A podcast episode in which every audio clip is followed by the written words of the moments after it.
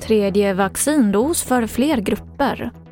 En 49-årig man häktas misstänkt för människorov av 32-åriga Beata Ratzman i Malmö. Och Zlatan Ibrahimovic är tillbaka i landslagstruppen. TV4-nyheterna börjar med att nyss höll regeringen och Folkhälsomyndigheten pressträff där de gav nya besked om den tredje vaccindosen. Sen tidigare gäller ju att personer med kraftigt nedsatt immunförsvar rekommenderas en tredje dos vaccin.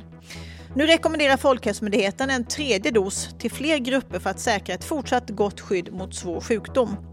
De nya grupperna ja, det är personer som bor på äldreboenden eller särskilda boenden för äldre, personer med hemtjänst eller med hemsjukvård, alla över 80 år. Och det är ett arbete som kan inledas från och med idag.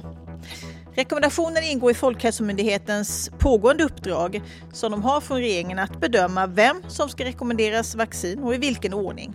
Och principen störst behov ska gå först, den gäller också nu. Det sa socialminister Lena Hallengren.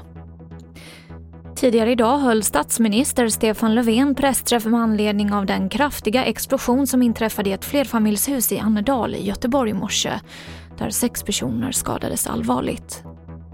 Jag vill börja med att vända mig till de skadade, de boende i huset, till anhöriga, till alla drabbade i samband med den här fruktansvärda explosionen i Annedal och eh, uttrycka min och regeringens empati med alla drabbade. En 49-årig man häktas misstänkt för människorov av 32-åriga Beata Ratzman i Malmö som har varit försvunnen sedan i helgen. Polisen fortsätter att söka efter kvinnan och ska även genomföra dykningar i en damm vid en golfklubb.